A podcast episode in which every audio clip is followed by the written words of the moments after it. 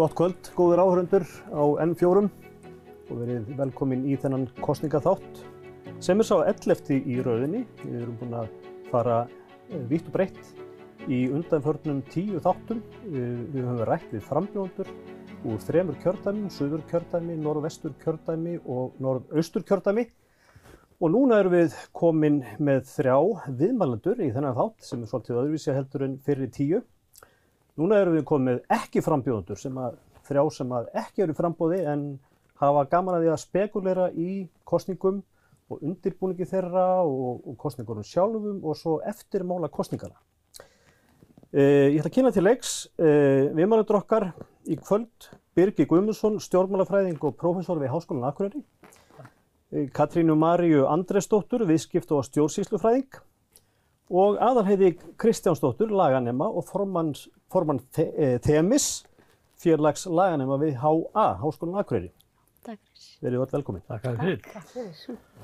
Já, við ætlum að fara hérna aðeins yfir svona velta eins og umgum yfir þessum, þessum kostningum frá ýmsum sjónarhóttnum og uh, ef við förum kannski fyrst, Katrín, um, í þessar kostningabaróttu, hvað finnst þér svona, ef þú horfið tilbaka, hvernig hefur þessi kostningabaróttu verið? Ég þurfti virkilega sem svona uh, verandi á hliðalínunni að minna mig á að það væri að koma kostningar fyrir ekki svo löngu síðan. Mér finnst þetta að hafa farið mjög svona stutt og mjúglega á stað og það sem þingið er ekki starfandi þá hefur maður ekki orðið varfið svona uh, mikil átök eins og stundum hefur verið um einstök mál eða annað slíkt. En þegar maður sest fyrir fram á sjónvarskjáin þá er þetta pínulítið eins og að svona síðustu dagana fyrir kostningar að maður sé að horfa á langan sjónvarsmarka þar sem ímsa lausnir eru kynntar sem ma maður verður svo að meta hvort hafa fórsöndu til að bæta manns líf og þá hvernig. Birgir, hvað finnst þér um þessa kostningabartu? Þú ert margar reyndur búin að fylgjast með pólitík áratvíi. Já, ég get nú tekið undir margt af því sem að Katrin var að segja sko að hérna þetta náttúrulega fórs frekar senda stað sko sem að var náttúrulega út af því að sumarið var þarna bara að koma og þingir slitið og, og svo þegar menn voru að koma úr sumafríða þá er þetta bara það, þessi tími sem gerir það verkum að þetta verður kannski ske, ske, skemmra heldur en annars. En ég verður svona almennt síðan að þá finnst mér þetta hafi verið svona frekar sko bara svona góð kostningabarta í rauninni. Að það hefur verið, menn hafa rætt málunum, menn hafa verið reyna presendur og það hefur verið svona eftir því sem hægt er. Þá hafa menn reynt að rökræða en það er bara, vandin er sko þegar þú ert með tíu flokka í, sem að þurfa alltaf að koma fram í einhvern veginn og það er verið að reyna að halda einhverju jafnvægi að þá verður þetta svolítið eins og hún er að lýsa sko, þetta er svolítið eins og því koma hér hver á fætur öðrum sig hérna með einhverja vöru til þess að bjóða okkur sko. Þannig að það vantar díalógin í þetta svolítið en að flestu leiti svona í að öðru leiti hérna í öðrum fjölbjölum fyrir utan það sem að þessa kynningarformlu að þá finnst mér að hafa einkennst aldrei miklum auglýsingum og það sem er að gerast og mér finnst þau verið að aukast á undanförnum, í undanförnum kostningum að það eru sé meiri áhersla á að auglýsa sko frambjóðundur, einhverja tiltekna frambjóðundur sko, mm. svona fórustumenn sem eru settir mjög framalega og svona kyrt á að þetta er svona persónugerfing í finnst það hefur verið svona kannski svona einkjænit að það er að koma núna einhvern veginn svona fullskapað fram. Er það meira áberandi núna finnst þér en en oft áður, já, og sérstaklega fyrir, sko, fyrir talsverð löngu síðan, sko. En þetta er held ég líka bara svona hluti af því sem gerist í, með breyttu fjölmiðlaumhverfi, að, að það hefur, sko, þetta er náttúrulega byrjað að breytast svo sem með sjónvarpinu sent á síðustöld, sko. Mm -hmm. en, en þetta hefur aukist ennþá meira með samfélagsmiðlunum, þar sem samfélagsmiðlarnir hafa í rauninni ítt undir svona persónugerfingu stjórnmálana. Það eru sem sé, það sem er gert á samfélagsmiðlunum til þess, það sem að flokkarnir og, og fóringjarnir sérstaklega er að gera, það er eiginlega ekki um pólitík sko. Og það hefur bara, við mælta, ég mælti Já. það í 2017 sko, að það var eiginlega bara mest af því sem stjórnmálafennir voru að gera á, á samfélagsmiðlum fjallaði ekki um pólitík í þeim skilningi að það væru sem sé málefni, heldur var það sem sé um sko ég er að gera þetta og hitt og ég hitti þennan Jón og Gunnu og þau eru aðeinsleg og skemmtileg og, og svona sko. Eh, og það er sem sé þá verið að búa til finnst manni kannski öðruvísi tengsl við, við kjósundur og það er sem sé að þú tengist personunum meira sko þannig að þetta verður verður svolítið öðru vísi sko, en auðvitað eru málefnið þarna líka sko, ég er náttúrulega ekki, að segja það að þetta sé bara fegur að sangjöfni sko, en, en þetta, er, sé, sé, þetta finnst mér vera svolítið svona einkjænandi núna. Aðalhefur, hvernig horfur þetta við ungu fólki eins og, eins og þér? Já, ég er, ég er sammálað þessu bara miklu leiti. Það, náttúrulega þetta byrjaði, sko, maður var í rauninni ekkert var við að væri kostningar fyrir bara í byrjun september, sko. Ég er svona lók, lók, hérna, ágúst byrjun september. Já. Og, og eins og segir þetta með samfélagsmiðlana og að svona tengjast frambjöðandum. Ég held að það sé mitt það sem að líka svona leiðin sem að, sem að frambjöðandur eru svona að reyna að taka þegar að kemur að ungu fólki. Að reyna að svona, já, ég veit ekki hvernig ég á að orða það, en, en, hérna, en, en þetta er góð leið til þess að reyna að ná til ung fólks. Þannig ég tek alveg undir með það. Þetta er náttúrulega þannig sko að kjósendurnir eru sko, þetta er bara samfélagið og svo margskipt sko. Þetta eru bara hólf, þú, þú nærði ekki og, og ég meina það eru náttúrulega fyrir flokkan eru starfandi sko marka sérfræðingar sko sem eru alveg búin að uh, hugsa þetta út í dref sko. Að það er, ef þú ætlar að ná til unga fólksins eða einhver annað, þá ertu, þá er samfélagsmiðlarnir leiðin sko. Þannig að það getur vel verið að sko ég, það sem ég sé sko, sé eitthvað allt annað heldur en það sem þú sér sko og auðlýsingarna séu og það sem við erum öruglega ekki í sömu sko bergmálsellum ég og aðleiður sko. Eða mér ekki það ólíklegt sko. Þannig að það er verið að reyna og mér finnst þetta hef, hefur tekið svolítið hjá þeim að þeir eru að ná, ná þessu. En svo er hins vegar sko líka, þetta er einlega svona tíski það er þessi margskipta almennarími sem við getum kallað, það sem að menn eru hér og þar Og svo er hins vegar sko þessi almenna, þetta almannarými í sem er fyrst og fremst í svona fjölmjölum eins og hér og, og kannski ríkisúttarpinu og, og, og þessum sjónastöðum og blöðunum, þessum hefðbundnum miðlum. Mm -hmm. Og þeir finnst mér hafa staðið sig alveg gríðarlega vel sko í þessari uh, hérna kostningabröðu að reyna að kynna þessi ólíku sjónamið. Mm -hmm. Og líka því að þetta eru svo margir. Það er, sko, þetta Það er þetta flókið, mjög flókið. Eh, ég Það er 11 fram. bara, já, já, ég meina, og þú hlýtur að vera náttúrulega til þess búin að standa í þessu sjálfu hérna, þannig að þú eru bara lafmóður eftir í hvað, 30, 20, 30 viðtöl, 30 sko. 30 viðtöl. Já, ég meina, og það er, og á öðrum stöðum er sko jáfnvel enn meiri kostningum fjöllun og enn meira lagt í þetta, þannig að það er sem sé sko, þetta verður flókið að, að gera þetta og, og, fló, og verður ekki þessi umræði að það er sem sé sko farið alveg þú mátt ekki tala lengur byrju og svo, svona sko, heldur það er engin dýnamík í þessu sko. Aðeins meira kannski um sko, þessa samfélagsmiðla sem að við vitum að, að hafa alltaf meira og meira vægi í, í, í öllum sköpum hlutum, kostningabaróttu eða hvað sem er. Aðalhauður þú, ég er svo gammaldags, ég er bara á Facebook sko, en, en hérna, ég þykir sitt að þú setja á Instagram og, og jafnvel TikTok. Svona minna en aðeins, já. Eru frambjóndur inn á öllum þessum miðlum? Sko það er allavega náttúrulega inn á, inn á Facebook og Instagram. Það er bæði sko, þá eru sagt, kostar auglýsingar sagt, hjá flokkonum sjálfum en svo er náttúrulega líka um bara einstakar frambjöðandur sem eru með marga fylgjendur og þeir eru oft, eða bara eiginlega mjög margir að, hérna, að deila í svona, uh, þetta kallast story, svona, það sem þeir eru að deila bara hérna því sem þeir eru að gera yfir daginn Já. þeir eru að fara í fyrirtæki og hitta þetta fólk og og fara þangað og svo eru þeir líka oft með sko bara svona glugga þar sem að fólk getur spurt á spurninga, bara þá, bara þá persónulega spurninga. Þannig að hérna, og þetta er svona leið til að ná til ungs fólk sko. Getur eitthvað mert hvort að það eru aðalega yngra, yngri frambjóndur eða sem að gera þetta? Sko, já, uh, ég hef meira tekið eftir hjá yngri frambjöndum, en samt alveg líka, alveg líka hérna eldri sko. Ég held að það er ekkit bundið við yngri frambjöndur sko. Það hvart Katrín margir yfir því að það sé bara ekkert að það opna samfélagsmiðla, þeir séu bara kæft fullir af, af allskyns kostningáraðuri. Hvað finnst þér? Það er óneitilega að verða fyrirferða meira núna þessa síðustu daga svona. Já, já. En það sem er uh, í þessu, af því að nú er svo í raun og veru, hvað maður getur sagt, ég vil bara óreiðu kent hvar menn koma fram og með hvað þeir koma fram, að gleðin í þessu er líka það að uh, hver og eitt kjósandi, hann getur í raun og veru uh, svona kynnt sér svolítið millilega laust við frambjóðendur fyrir hvað hann stendur við komum frambjóðandi í, í ákveðnum málum og, og hefur svona meira aðgengi af þeim sem að er að bjóðast til þessara starfa næstu fjögur árin. Mhm. Þannig að það er ákveðið tækifæri það líka með þessa samfélagsmiðla að nýta þá í, í, í þannig tilgangi og kjósendur finnst mér núna hafa margir hverju líka verið að hampa þeim sem að, þeim eru svona, þeim líst vel á og, og, og svona spyrja áleitina spurninga og mér finnst mjög áhugavert að sjá hvernig kjósendur og ýmsir hópar kjósenda reyna að koma svona sínum málum á darskrá á samfélagsmiðlum og þá að sjá hvernig undir það er tekið af hálfu frambjóðanda. Mm. Sko, ég þykist þetta sko áherslunar eru mjög mismunandi eftir kjördæmi og ég hef vorið með þessu uh, áskynja í þessum viðtunni sem ég er búin að taka við í þessum þremur landsbyðarkjördæmum mm -hmm. og ef maður myndi taka, draga fram sko kannski þrjú megin mál sem að hérna er svona gegnumgangandi, það eru samgöngumál, það eru, eru heilbyrðismál og það eru atvinnumál. Ég veit ekki, ég hugsa að sé kannski aðeins öðruvísi áhersla byrgir í, sko, í, svo í höfðborgi.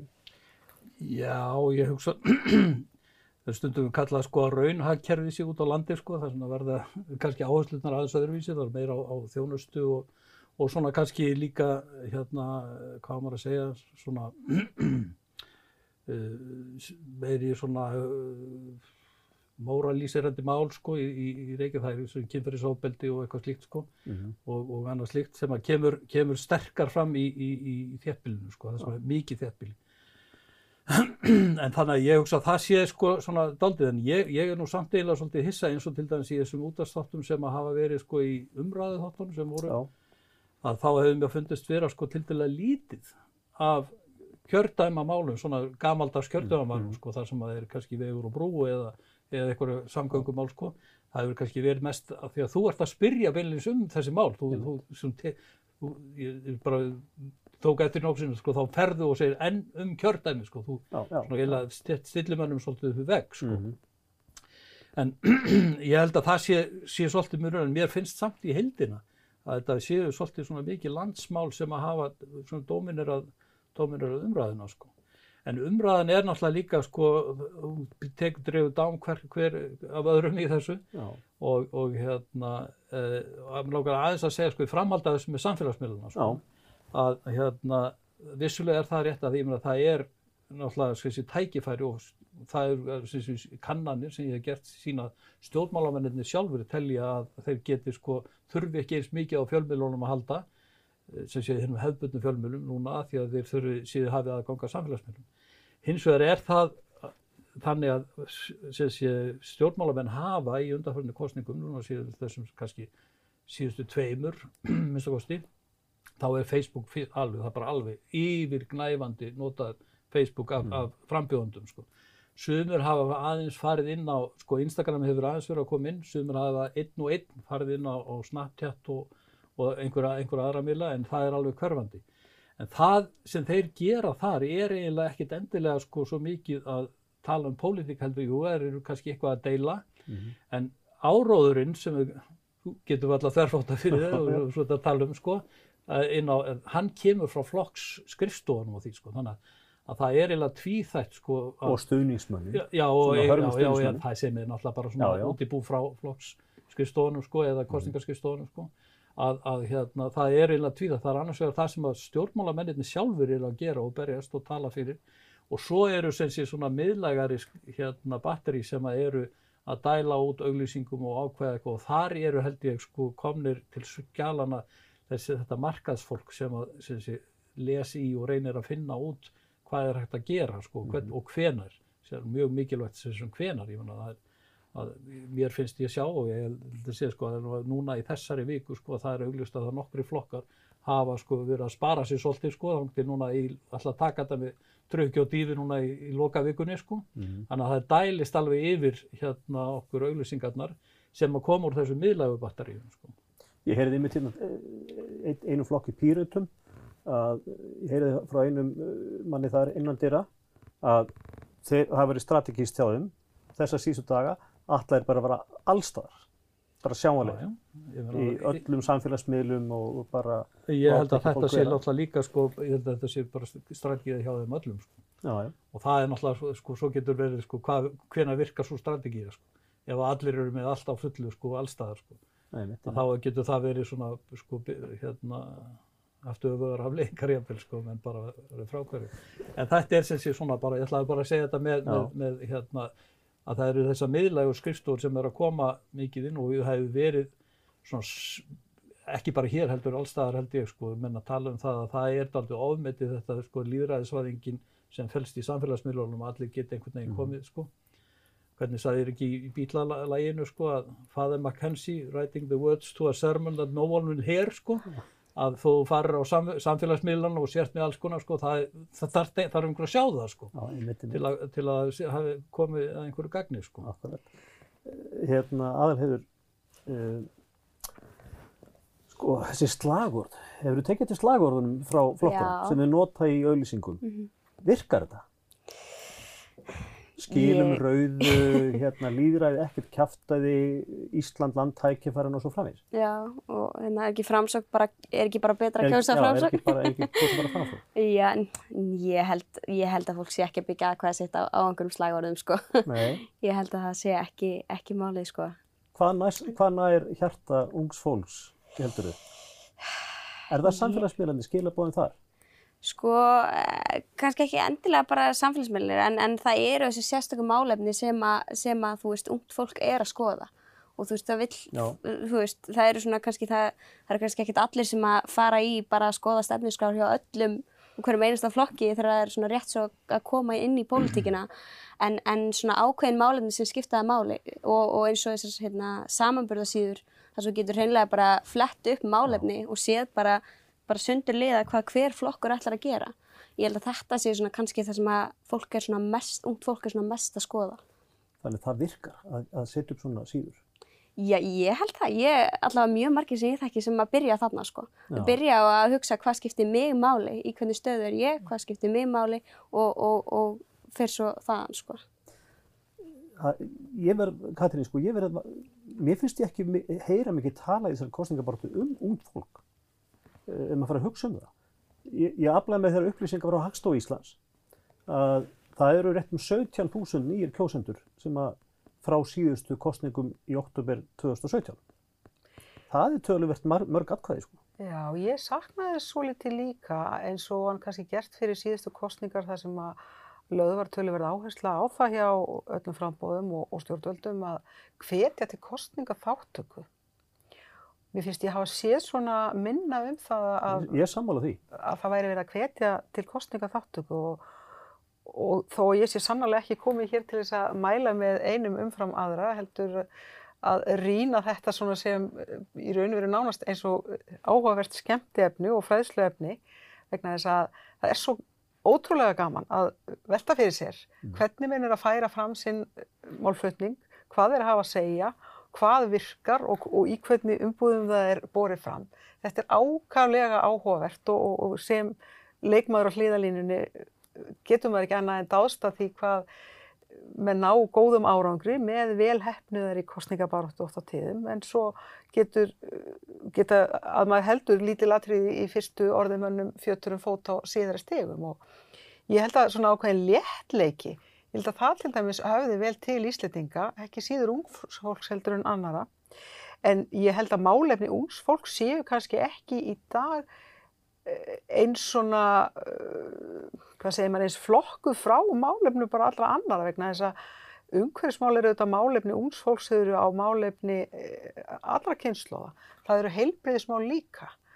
Atvinnumál eru það líka og svo getum við haldið áfram eh, niður listan eða upp listan að þessi málaflokkar þeir varða auðvitað alla Íslendinga og alla sem að eiga við okkur samskipti einu öðru leiti. Hvað, þetta var það sko.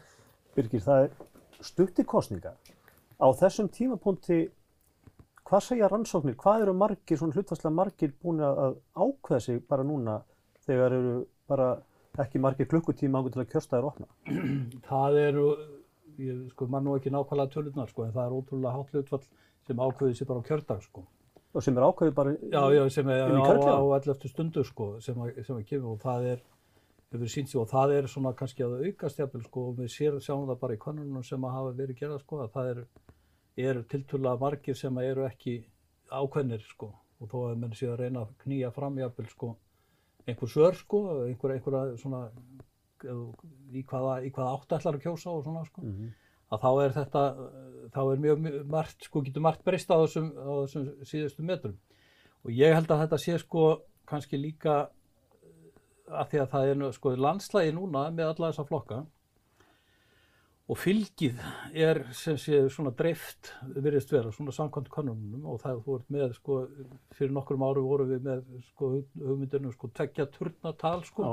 sem það voru, það voru það samfylkingin og, og sjálfstæðarflokkurinn sem að mældu svona eins og turnar í, Mhm. í, í skoðanakönnunum. Nú erum við bara með svona rásalengjur sko að hérna að það eru, þetta eru sem sé í kringum 10% sko flesti nema sjálfstæðarflokkurinn er, er einhver starf 20 pluss sko. Mhm. Þannig að þegar að það er þannig sko, þá verður sko líka svolítið erfitt sko, ok, það er engin, engin ég get ekki fara að fylgja einhverjum svona einum ströymi sko og það eru mjög mörg, mjög mikið líkindi sko með fjölmörgum flokkana eins og ég veit ekki hvort ég hafi tekið þessi kostningapróf sko að svo þegar maður er þessi 70 og 80% sammála sko einhverjum úr þessum flokki og einlega bara sama úr öðrum flokki og þannig að þau eru ekki endilega að gefa til kynna að, að hérna maður sé að þetta sé einhverja skýra línur. Og það auðveldar auðvitað ekki sko að þegar að munurinn virðist vera tiltöla lítil og gæti verið margt sem komið til greina að þá ertu kannski aðeins lengur á ákveði og þá er kannski ekki bara málefni sem ákveða heldur, heldur kannski sko fólkið. Og þá koma inn þessi sko kannski slagurinn líka sko og að því þú varst að segja sko að það myndi ekki ákveða sig sko að ég held að sum þessara slagur eru bara briljandi, mér finnst til dæmis skilið í rauðu, mér finnst það alveg hreint svakalega vel hérna, Já. þetta er svona rebel sko hérna flokkur Mhm. sem að er að þá sko hverjir eru það sem að kannski hlusta á það skilið rauðu sko, það eru þeir sem skilið auðu.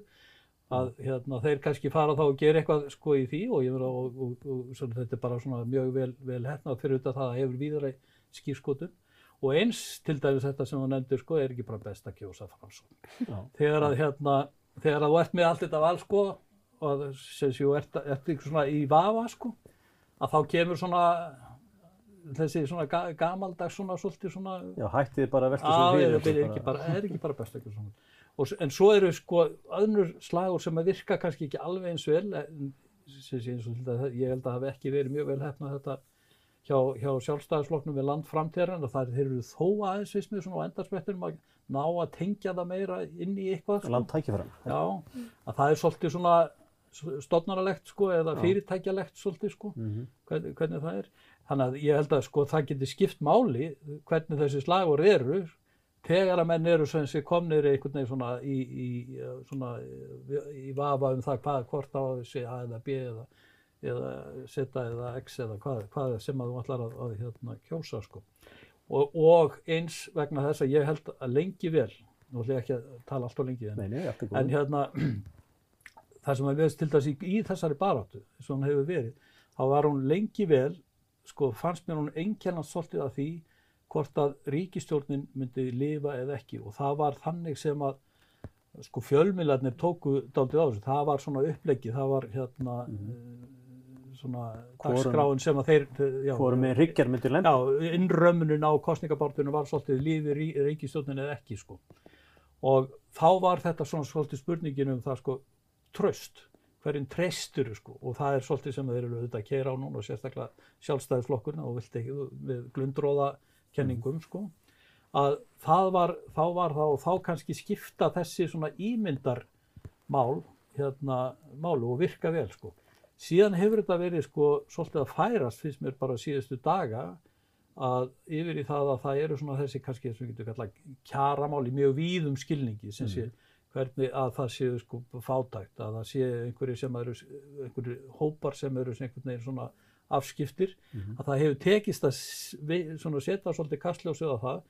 Þannig að, að tröstið svona kannski hefur aðeins vikið og að- ef að það er sem sé þegar hún er þessu að þá að setja þessi mál á oddin sko að þá er líkur til þess að þetta tröst, tröstvingillin sko, vinki svolítið, sérstaklega líka að þjóður þjóður með svona margarflokka, þú ert með þrjá ríkislutnaflokka en sjö sem eru svona allir segja og allir hafa jafna tíma til að segja hér er allt í kalda kóli sko.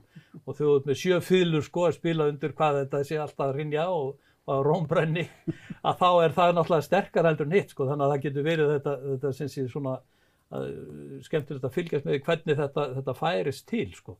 En það er hins vegar þeir keira ennþá á því svona stjórnarflokkum, þetta er náttúrulega erfiðast fyrir vinstri græn sko, sem eru reynilega með þennan frasa sko, slagurðið er, Já.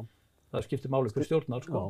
að, Katrínar. að þau, þau, já, og þau þurfum við að, að hérna að sko það er svona, að því að það er náttúrulega sko svo, svo margir sem er að koma í bakið á þeim svolítið með þess að vera eigin kjósendur sko fyrir að vera í þessu stjórnarstafsverði.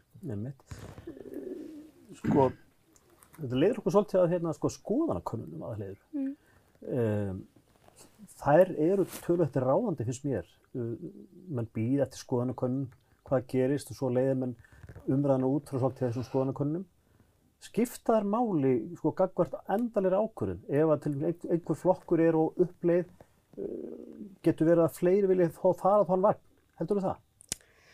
Sko, já, ég, ég myndi nú alveg, sko, ég myndi halda það að, að þú kannski, sko, ef þú ert með einhverja rosalega sterkar skoðun og ert ákveðin á einhverjum flokka, þá ertu kannski ekkert að fara að breyta vegna einhverja skoðunakannar.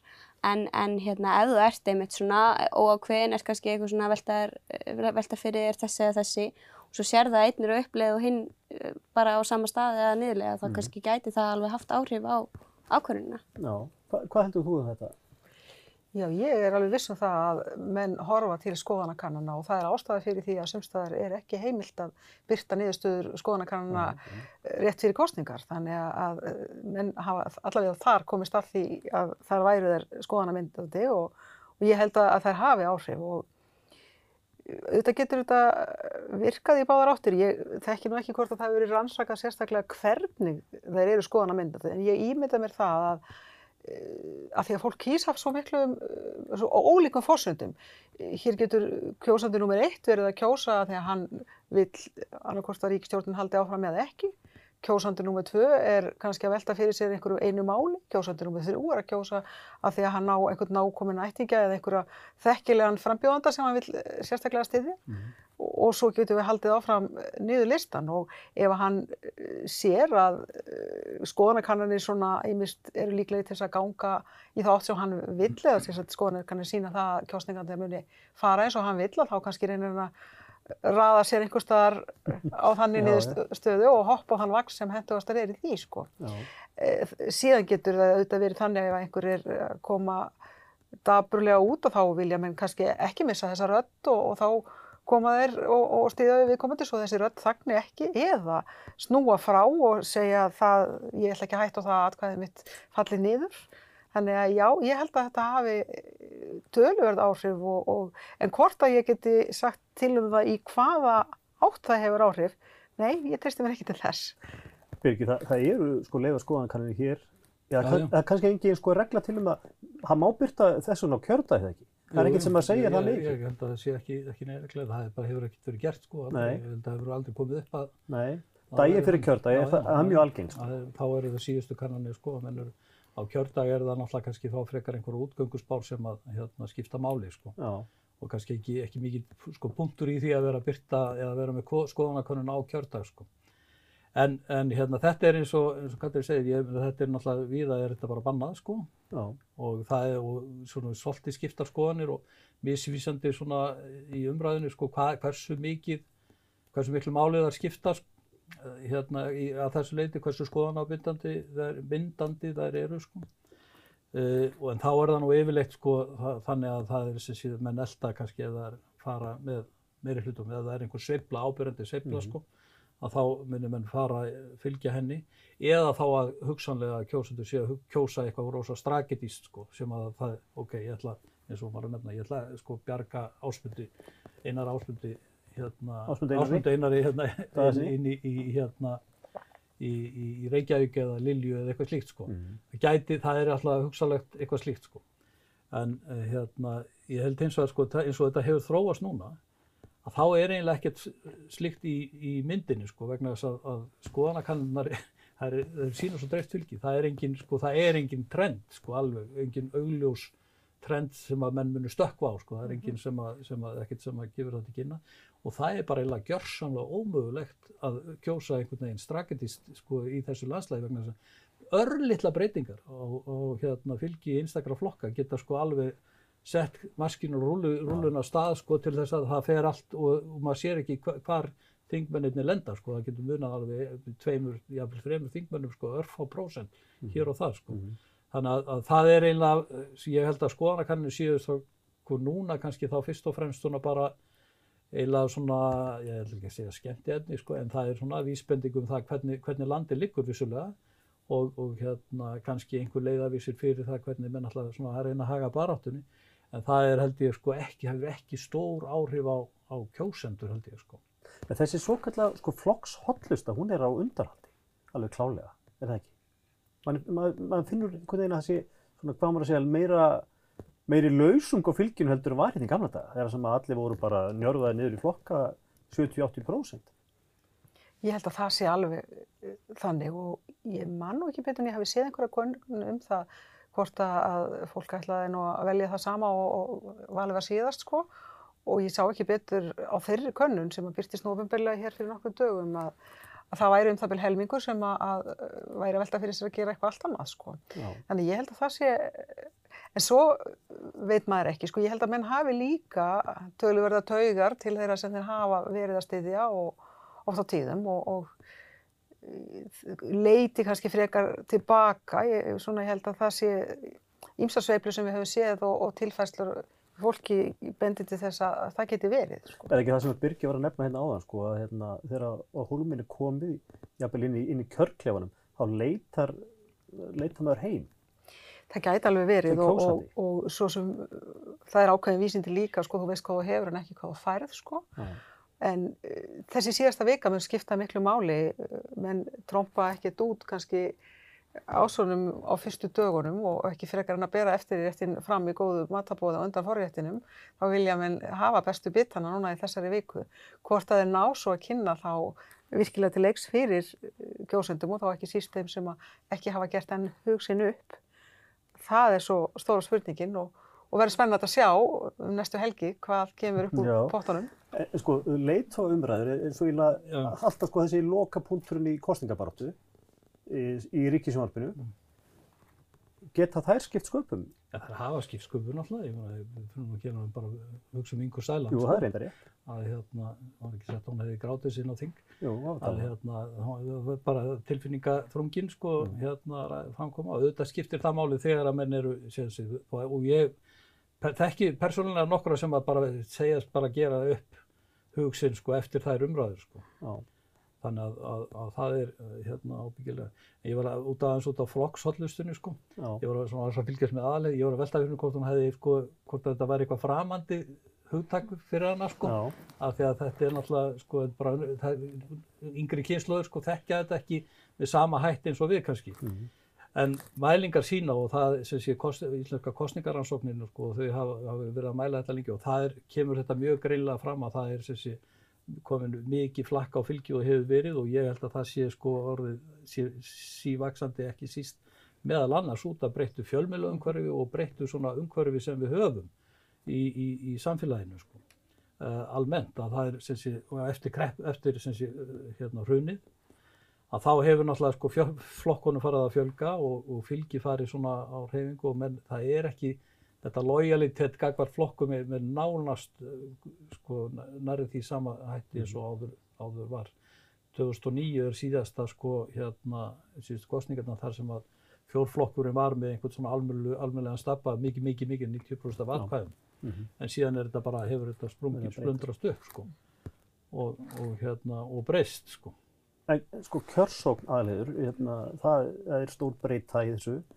Eh, Sko í síðustu kostningu 2017 vo- var kjörsóknin nálægt 80%, 81 ef ég maður rétt eh, á landsvísu. Um, það er oft talað um að það sem skiptir máli í kjörsókn sé unga fólkið, að það skili sér á kjörstað. Uh, innflytjendur, það er annar hópur sem hefur ekki skilað sér mjög vel á kjörstað. Uh, Heyrir þú til dæmis í kringu þig að unga fólki, þínu vinir, þínu vinahópur allir að kjósa? Sko já, ég nú hérna hef svona aðeins verið að ræða þetta við fólk upp í háskóla til dæmis og, og ég hugsa að þó að það sé ekki allir ákveðnir akkurat núna að þá ætla allir að kjósa allavega með það sem ég hef verið að heyra. En svo er kannski spurning með svona yngsta hérna, hóp kjósenda, þú veist, þeir sem eru í mentaskóla er rétt svo komið með mentaskóla, kannski önnur spurning þar. Uh, ég meina það kannski, þeim kannski, eða ég man sko að þeirra hérna fyrir senstu kostningar þá var ég, ég fekk kostningar rétt tveimur dögum fyrir hérna, fyrir kostningar, já, og hérna, veist, og maður var, ég fór vissilega á kaus, en maður var ekkert, veist, þannig sé, just, ég var ekkert að pæli því hvort einhver flokkur ætlaði að bjóða betri barnabætur eða, eða gera eitthvað í húsnæðismálum. Veist, þannig að maður, kannski svona, ég skila einhver leiti þetta, hérna, veist, þetta að, að kannski yngsti hópur kjósanda sé ekki að skilja sér kjörta á hérna, kjörsta en það er samt rosalega mikilvægt og ég held einmitt að það þurfi kannski svona aðeins að íta við þessum hóp. Þú nefndir áðan einmitt hérna, að unga fólki spáði svolítið, í hérna einmitt, já, álefni ykkar, mm. ungu kynslaðunar, eh, húsnæðismál, eh, fjölskyldumál. Eh, er, er þriða breytan líka svo bara hinnlega sko bara personur og leikandur, það er að segja bara hvernig fólk kemur fram, það, það hefur eitthvað dalt til að segja mm -hmm. og svo framvegis, framkoma? Algjörlega, algjörlega. Ég, hérna, maður, þú veist, þessi svona mest ábyrjandi karakterir í hverjum og einasta flokk, þú veist, maður horfið svolítið á, á þessa, þessa, hérna, þetta fólk og, og svona metur svolítið kannski, þú veist, þegar þú ert að byrja að koma inn í pólitík, þá kannski er þetta það fyrsta sem þú ert að taka eftir, hvernig er framkoman, þú veist, virkar hann örugur eða er hann, þú veist, að mm. rífast og skammast og, og þú veist, alls konar svona hlutir. Já, Þannig að hérna, ég held að, að það hafi svona, hvað kallum við þetta, svona first impression, þú veist, mm -hmm. að það er algjörlega þetta fólk. Já, akkurat. Katrín, ef við förum svona kannski, við horfum aðeins hérna á bara þessa flokka, þessa leiðtoga sem eru mjög ábyrgandi. Hvernig finnst þeir hafa staðið sér núna í aðranda þessar kostninga? Og er einhver eitt sem hefur umfram annar sem þér finnst þá að koma óvart? Þetta er ákvæmlega erfið spurning vegna þess að ég hef ekki fylst kannski nægilega vel með uh, fyllunum kostningarnar og, og það sérstaklega út frá því svona viðtölum við einstakka frambjóðundur eða leðtoga. En mér finnst þeir í raun og veru allir hafa að speikla nokkuð vel það sem ég hef séð til þeirra, það sem að, þau standa fyrir og þeirra frambóð. Mm -hmm. Og ég held að þeir rými mjög vel við sinn hóp hver og einn og sína stefnu þannig að ég held að þeir gefi hver og einn nokkuð skýra mynd af þeim valkosti sem þeir standa fyrir. Já. Hvað finnst þið Birgir? Hefur einhver svona stegið í gegn, finnst þér? Já, sko, ég, bara, ég vil okkar bara taka undir þetta, sko, mér finnst, sko, fóringja stöðunar, sko, við erum að tala um topp alveg mm. leiðtóðanar, sko, mér finnst þetta afskaplega vel mannað, sko, hérna, og, og þetta er að þeir hafa komið vel út úr þessum eiginlega bara í öllum flokkum, sko. Mm. Já. E, já, já, öllum flokkum. Síðan er það kannski, sko, það sem hefur kannski komið á óvart, svolítið, e, maður átti von á því að, að eins og Katrín til dæmis, hún sko, hefur alltaf glansað og er sem sé einhvern veginn svona, við hefur þetta hefur kjörþokka, sem mm. við notum nú það gamla orð hérna, sem að, sem að gerir hann að vinsalast á stjórnmálamannum. Þannig að hún hefur alveg staðið undir því mjög erfiðri stöðu, held ég sko. En svo verður bara að segjast eins og er sko að Gunnar Smári hef, sem hefur verið hérna komið, hann hefur komið með svona ferskan, svolítið svona mm hvað var svona, hrjúvan kemur á annari átt svolítið. Já, já, og hérna svona hristir svolítið upp í þessu og græðir held ég á því vegna þess að það er orðin dálitill samhljómur sko í, í öllu hinnu mm. hjá öllum hinnum sko, menn eru svona eru svona svolítið svona smáborgarlegi flokkar sko, eru sem að vilja ekki sko, svo kemur hérna Gunnar svolítið svona eins og sko svona dóninn í partíið sko og, og hérna rýfur kæft á og segja innþingi og eitthvað svona sko og hérna mm næri einhvern veginn að, að hrifsa til sín aðtekluna sko. Já, já. og enda skilar það sér greinilega í, í hérna í, í, í konunum sko, ég vil ekki segja kassunum, kjörkassunum en mér finnst það eins og ég segi sko þeir hafa, þeir hafa staðið og ég get alveg tekið nefnilega undir það þau hafa svona verið sko trú eða staðið vel fyrir þá ímynd sem að maður hefur af, af flokkonum sko. Og, þeir, og þeir, það hefur líka verið þannig að þeir eru sko þau hafa verið, þeim hefur verið stilt upp svo mikið, eins og ég var að segja þarna fyrst sko, að þeim er stilt upp svo mikið sem sko einhvern veginn táknmynd flokkana sko, að, að hérna, og, að, þannig að, að, ég finna að Sigur Ingi verður er svona kannski svolítið svona uh, lún kall sko sem að er svona og, og með ringinum þauðmalfingurinn sko og þeir sem þess að gera hafa svona aðeins humor fyrir sjálfur sér sko. Mm -hmm. fólk með ringi og sem, og sem að, eða eitthvað með ringa, fólk með ringa er það ekki auðvitað sem fíla sig úr ringa sko þeir gera grína þessu sjálfur sér svolítið sko. En eru þar af leiðandi finnst, þeim, finnst manni svolítið örgi í einn skinni. Sjálfstæðurflokkurinn er svona sko svona eins og svolítið svona corporate bjarni er náttúrulega svona sko business, með businessvitið svolítið sko og Mhm. þannig vill hann koma og vera samt ábyrgur sem slíkur. fjármálaráðherra. Já, já, og, og hérna, og, og, og, og hefur alveg staðið sig í, í, í sem slíku. Og svo hérna, og Logi og, og Píratarnir, sem eru nú kannski svona áhöld hver, hver er helsti Mhm. fóringin þar sko, en, en bæði en, hérna Halldóra og, og Sunna eða hafa komið vel út í því sko. Og, fl- og Þorgerur Katrin sem er náttúrulega sjó- sjóðið, mér finnst þetta hafi verið sko alveg bara, þegar hafa staðið sig bara ljómandi vel sko. Og það er kannski til marks um það að, að, hérna, að fram, það sem hefur verið í framkomið þeirra hefur verið fínt. sko. Það eru alls konar öðruvísi hluti sem að menn eru þá að finna að sér maður á samfélagsmiðlunum. Sko, það eru verið að finna klæðaburði eða eitthvað slikt sko allt í hennu sem að hefur ekki kannski verið mikið og skiptir kannski ekki öllu máli en En það er alltaf einhverju sem að velta því fyrir. Já, já, það er náttúrulega, er alltaf, það er bara svona, getur verið heldur bara sport, sko. Já. Þetta er svona eins og að fylgjast með kongafólki eða Óskarsvölunum við einhver á dreglinum, sko. Að, en það er náttúrulega hins vegar í þessu samíki verður það einhvern veginn ekki að, að neinu álveru atriði, sko. En þá förum við náttúrulega nálgast það sem er aðalmálið. Það eru kostningarna sjálfar og hvað gerist eftir kostningar. Eitt er að kjósa og annað er að koma saman ríkstjórn. Hvaða tilfinningu hafið þið fyrir bara því sem er í gangi núna þessa síðustu daga fyrir kostningar? Eru kannanir að mæla cirka bát það sem að þið teljið að verði upp úr kjörgjóðsum? Sko, ég, þú veist, eins og við vorum komin á þann að fyrstum sinn var þetta svona svolítið bara, þú veist, er ríkistjórn að fara að halda velli? Og mér finnst einmitt núna að það er búið að vera svona, það, þeir, fylgi þeirra er búin að svona rokka í, kannunum og núna síðustu kannanir segja að, að hún sé ekki að fara að halda velli. Ég held samt að, ég, ég er svona spáið í að, að, Að hún haldi velli? Já, ég held það sko. Að það muni gerast í, á loka metrónum að fólk færi sig í þá átt? Já, ég, ég, mér, ég held það. Ég er Já, já, þeirra skoðunar. já, já. Hvað finnst þér, Katrín? Líklegt? Ég held að verði afar mjótt á mununum Já. og ég veit ekki hvernig maður á að nota þessi orð sko þegar heyrðu það fyrst hér.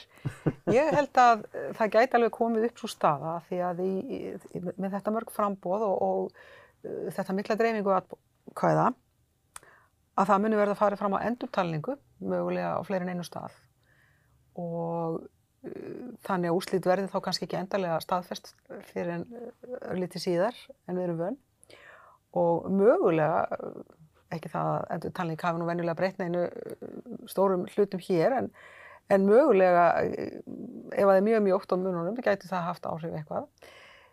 Ég eh, held miða við það sem maður hefur séð að eh, kjörsókn munir á það töluverðu um það hver niðurstaðan verður á endanum, sérstaklega í mitt af því að það er svona mjótt á mununum. Ég held að e, þessi rótgrúnu flokkar eigi heldur inni miða við skoðanakönnanir Já. bæði vegna þess að, að þeir sem að enn hafa kannski ekki gert upp hugsið séu svona mögulega líklegri til að fara uh, þangað fara, eins og þú sagðir áðan kannski svona ratapíldi heim Já. það er stór hópur kjósenda eldra fólk sem að ekki er spurt í þessum könnunum ef ég veit rétt Og gefur sér ekki heldur upp, kannski. og, eða gefur sér ekki upp eða, en, en líka bara, sko annars vegar erum við að tala um að yngra fólk mæti mögulega síður á kjörstaði og hins vegar að skoðanakannanir séu ekki að spyrja elsta hóp kjósenda Það er nú reyndar sko, viðskilningu sko. Að, það, það, að þeir, það eru allir spurðir, það er engin efri mörg sko lengur sko, það var sko fyrir mörgum mörgum árum. Þetta er Já. bara, segja eitthvað sem hefur farið á stað núna upp á siggastir. Já, ok. Ég held að það hefur verið bara núna síðast í dag sem að, eða gær, Mhm. sem að MMR var að senda út fretttilkynningu til dæmis sko. Um, um En þetta um sérstaklega. þetta sko sérstaklega vegna þess að þetta En- er komið sem sé út mjög víða í En samfélaginu sko. þær kannanir sem eru netkannanir, það, maður velti fyrir sig hvort að svar hlutfall eldra fólk sé, sé ekki lakara. Þannig að ég tel að, að eh, þessi rótgrónu flokkar eigi, eigi inni meða við og muni koma betur út heldur en hérna, kannanir segja til um. Mhm. Hvað gerir svo eftir kostningar? Ég ætla að taka hérna undir með aðalheiði. Mér finnst ekkert ólíklegt að þeir flokkar sem að, núna eru við völd muni freista þess að ræða saman og, og kalla þá fleiri til liðs við sig ef að þess verður kostur, ef að niðurstöðuna verða með þeim hætti. Mér þykir það svona eh, líklegasta niðurstaðan. Já. Uh, Hvað, hvað finnst þér líklegt, Birgir, svona úr þessum kössum komið? Sko það er, það er náttúrulega allt mögulegt sko einhvern veginn og maður svona svona rennir daldið svona jarðvísindamaður sko með að spá. Pappin var nú jarðvísindamaður. að hérna nei að, að hérna sko ef að maður á að ef hvað hægt að dæma um síðast sko þá var mældist sjálfstæðisflokkurinn sko heldur sko undir minn, hann sem mældist minni í könnunum heldur en að fekk svo. Já, og, og píratar til dæmis voru, voru herri en sem sé, hefðbundið hefur verið sko að, að sjálfstæðisflokkur mælist sko herri í konunum, það var, hér áður fyrir var það þannig en nú er það breytt eins og eins og svo margt annað. Sko ef við horfum á, á talandu sjálfstæðisflokkinu, við horfum á kjörfylgi hans í síðustu kostningum versus síðustu kannanir, þá munar ansi er að tapa rosalega. Með við þær tölu, sko. Með kanninu núna? Já. Já, já, en það var sem sé líka sko, hefur verið í síðustu tveimur kostningum hefur þetta verið, Þeir hafa síið já, já, sjálfstæðisflokkun þeir hafa sem sé mælist undir sko. já, undir kjör- kjörfylgi. Já. já. Þannig að sko, þetta getur, en svo er ekkert sem að sko, engi, það er í rauninni enginn sem veit af hverju það er sko. Það, hvernig það er sko, En það er er ekki bara og, getgátur sko. eins og Katrín er að benda á Gæti verið sko. að það sko eldri kjósendur kannski gefa sig ekki upp? Hugsanlega, hugsanlega sko. Hér áður fyrir var, var, var þetta þannig að með voru töldu að sjálfstæðismenn væri svo sko sjálfuglæður og ánaði með að vera sjálfstæðismenn að þeir gefi sér alveg heiklust upp sko Mm. í könnunum meðan aðrir væri svona feimnari. Já. En þetta, er, sem sé, það, það, þetta getur náttúrulega varýðra svolítið sko. En mér finnst ekkert sko, það fer náttúrulega svolítið eftir því sko hvað verður sem sé ofan á eh, svona alveg í, í blálókin sko. Hvort að þetta verður sem sé, ætla menn einhvern veginn að kjósa tröst vegna þess að ríkistjóðin hefur svo sem sko alveg sínt það að, að hérna, hún getur unni saman og það er þessi stöðuleiki, kannski verður það, eða hvort að menn hérna fara þessi, þessi kjaramál eða, eða hvað maður að segja, lí- lífskjör sko fólks og, og ein- einhverju svona fátæktarvasar eða öryrkjar og, og eitthvað svona sko sem að, að hérna, hvort að menn fari, fari, fari í þá leið sko. Ég held að þetta geti orðið, orðið mjög, mjög tvísind og ekki víst að það komi út úr þessu upp, upp, upp úr korsunum eitthvað svona, eitthvað milstur, eitthvað sem að er augljóst sko. Ég held að það geti orðið daldið langur tími sem að fer í, sem sé síðan í, í myndun ríkistofnar og það er náttúrulega það sem er, hefur bara fræðin segja um, um samstipustjórnir sko. Mhm. fræðin segja það að, að hérna, því fleiri flokkar sem að þú ætlar að hafa í ríkistofn því erfiðar að verða myndina og því líklega að hún springi. Og það er ekki bara vegna þess að bara vegna fjöldans eða fjöldin skapar það sem er óvissa. Og það er óvissan sem að er sem sé sko stóri hérna, stóra breytan í því. Og þegar það eru líka flokkar, mjög margir flokkar sem að hafa skipulag, ekki svona gamaldags svona kannski hérna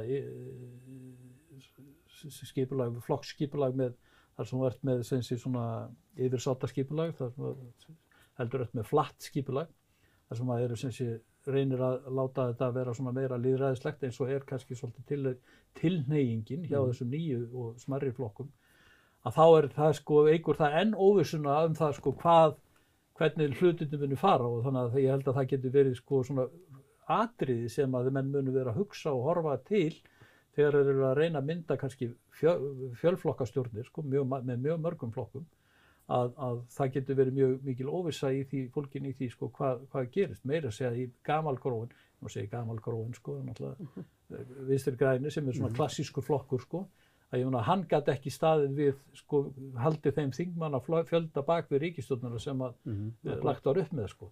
Hvað þá með sem sé ef það verður einhverju sem sé ef það mennur skinjaðir sko sem einhverju svona kannski hérna mótróa flokkar sko eða upp, uppreisnasekkir eins og kannski píratar eða eitthvað svona sem að eru, eru já ég tala ekki um sósíalista eða einhverja sem að eru sé eru líklegir til að taka einhverja svona kannski aðra afstöðu bara eins og var gerðist bjarta framtíð og, og í, í ríkistofnunni Já.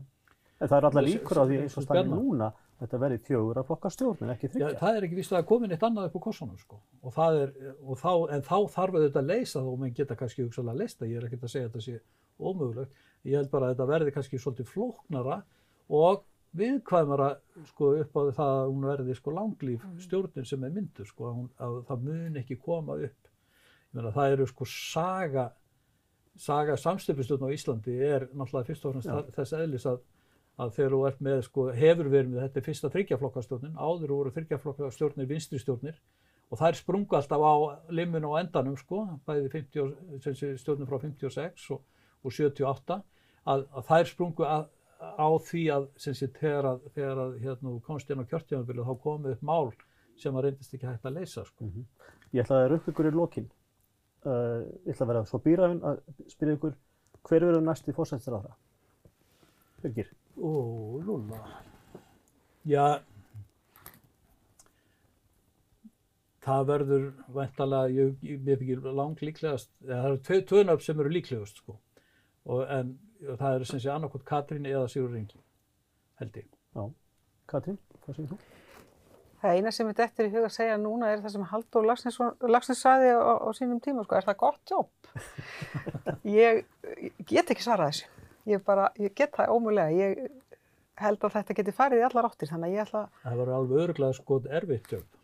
Já, ég held að það er mitt, ekki dýst að það sé svo gott jobb sko, en örglega samt mjög skemmtilegt svona þegar maður er búinn að sinna því og, og það hefur tekist vel sko. Hvað segir þú aðalhegur? Hver, hver heldur þú að verði næsti fórsættistarfara Íslands? Ég held að vera Katrín. Hún er Já, rosalega vinsæl. Ég held að, held að hérna, hún haldi áfram. hún haldi áfram. Já. Já, við, það verður gaman að, að hérna, rífi þetta upp þegar að verður búið að Já. telja upp kjörkjósunum og mynda ríkstól. Það verður örglega ekki auðvelt verk. Nei. Ég held að við séu getum vilja öll verið saman um það. Nei, maður gerist ekki óvænt. Það er nú spennan. Það er spennan. Ég held að þessar kostninga verður með þeim mest spennandi í, í mörg ár. Ég, ég hef þá tilfinningu. Já, já. Og kostninganóttin. Erum við saman á því? Já, já. Ég held að kostninganóttin, sko, maður fer í málinu. Það Kannski, er algjörlega. ja, það er spáð fyrir að frekka kvöldu veðri og geti þess að snjóa á heiðu. Þannig að það er, það er svona ímislegt. Og með svona mörg frambóð og með svona mjótt á mununum, þá mun uppbóta hringjaðikjan verða eins og þeytivinda alla Já. nóttina. Þannig að það verður einhverju sem verða með í maganum, þingmenn mögulega út og inni. Eins og, það er, það er skemmtilegasta. Þetta verður mjög, sjálfa. mjög tvísýnt. Við hafa nú sjálfsagt lúst gaman að þessu, annars að þið er kannski ekkert endilega að bjóða sig fram í þetta er verkefni. Það er ekki einhver sem sagði það sem var í þessari stöðu að vera inn og úti sko, þannig að það væri nú sangjand að menn hefðu þing fara að kaupa á meðan það þeir væri inni sko, Já, yfir nóttina. fyrir þann tíma. Já, við erum konar lokum þessa skemmtilega þáttar. Ég þakka ykkur kærlega fyrir að taka þátt í þessum umbröðum. Aðalheiður uh, Kristjánsdóttir, Katrín María Andresdóttir og Birgir Guðmundsson. Kæra þakkir. Leiðis. Og uh, við látum þessu lokið í kvöld. Við hvetjum að sjálfsögðu landsmenn alla til þess að fara á kjörstað og kjósa. Margir eru búin að þegar að kjósa utan kjörfunda atkvæðagreyslu en hinir drýjum ykkur á kjörstað. Takk fyrir kvöld.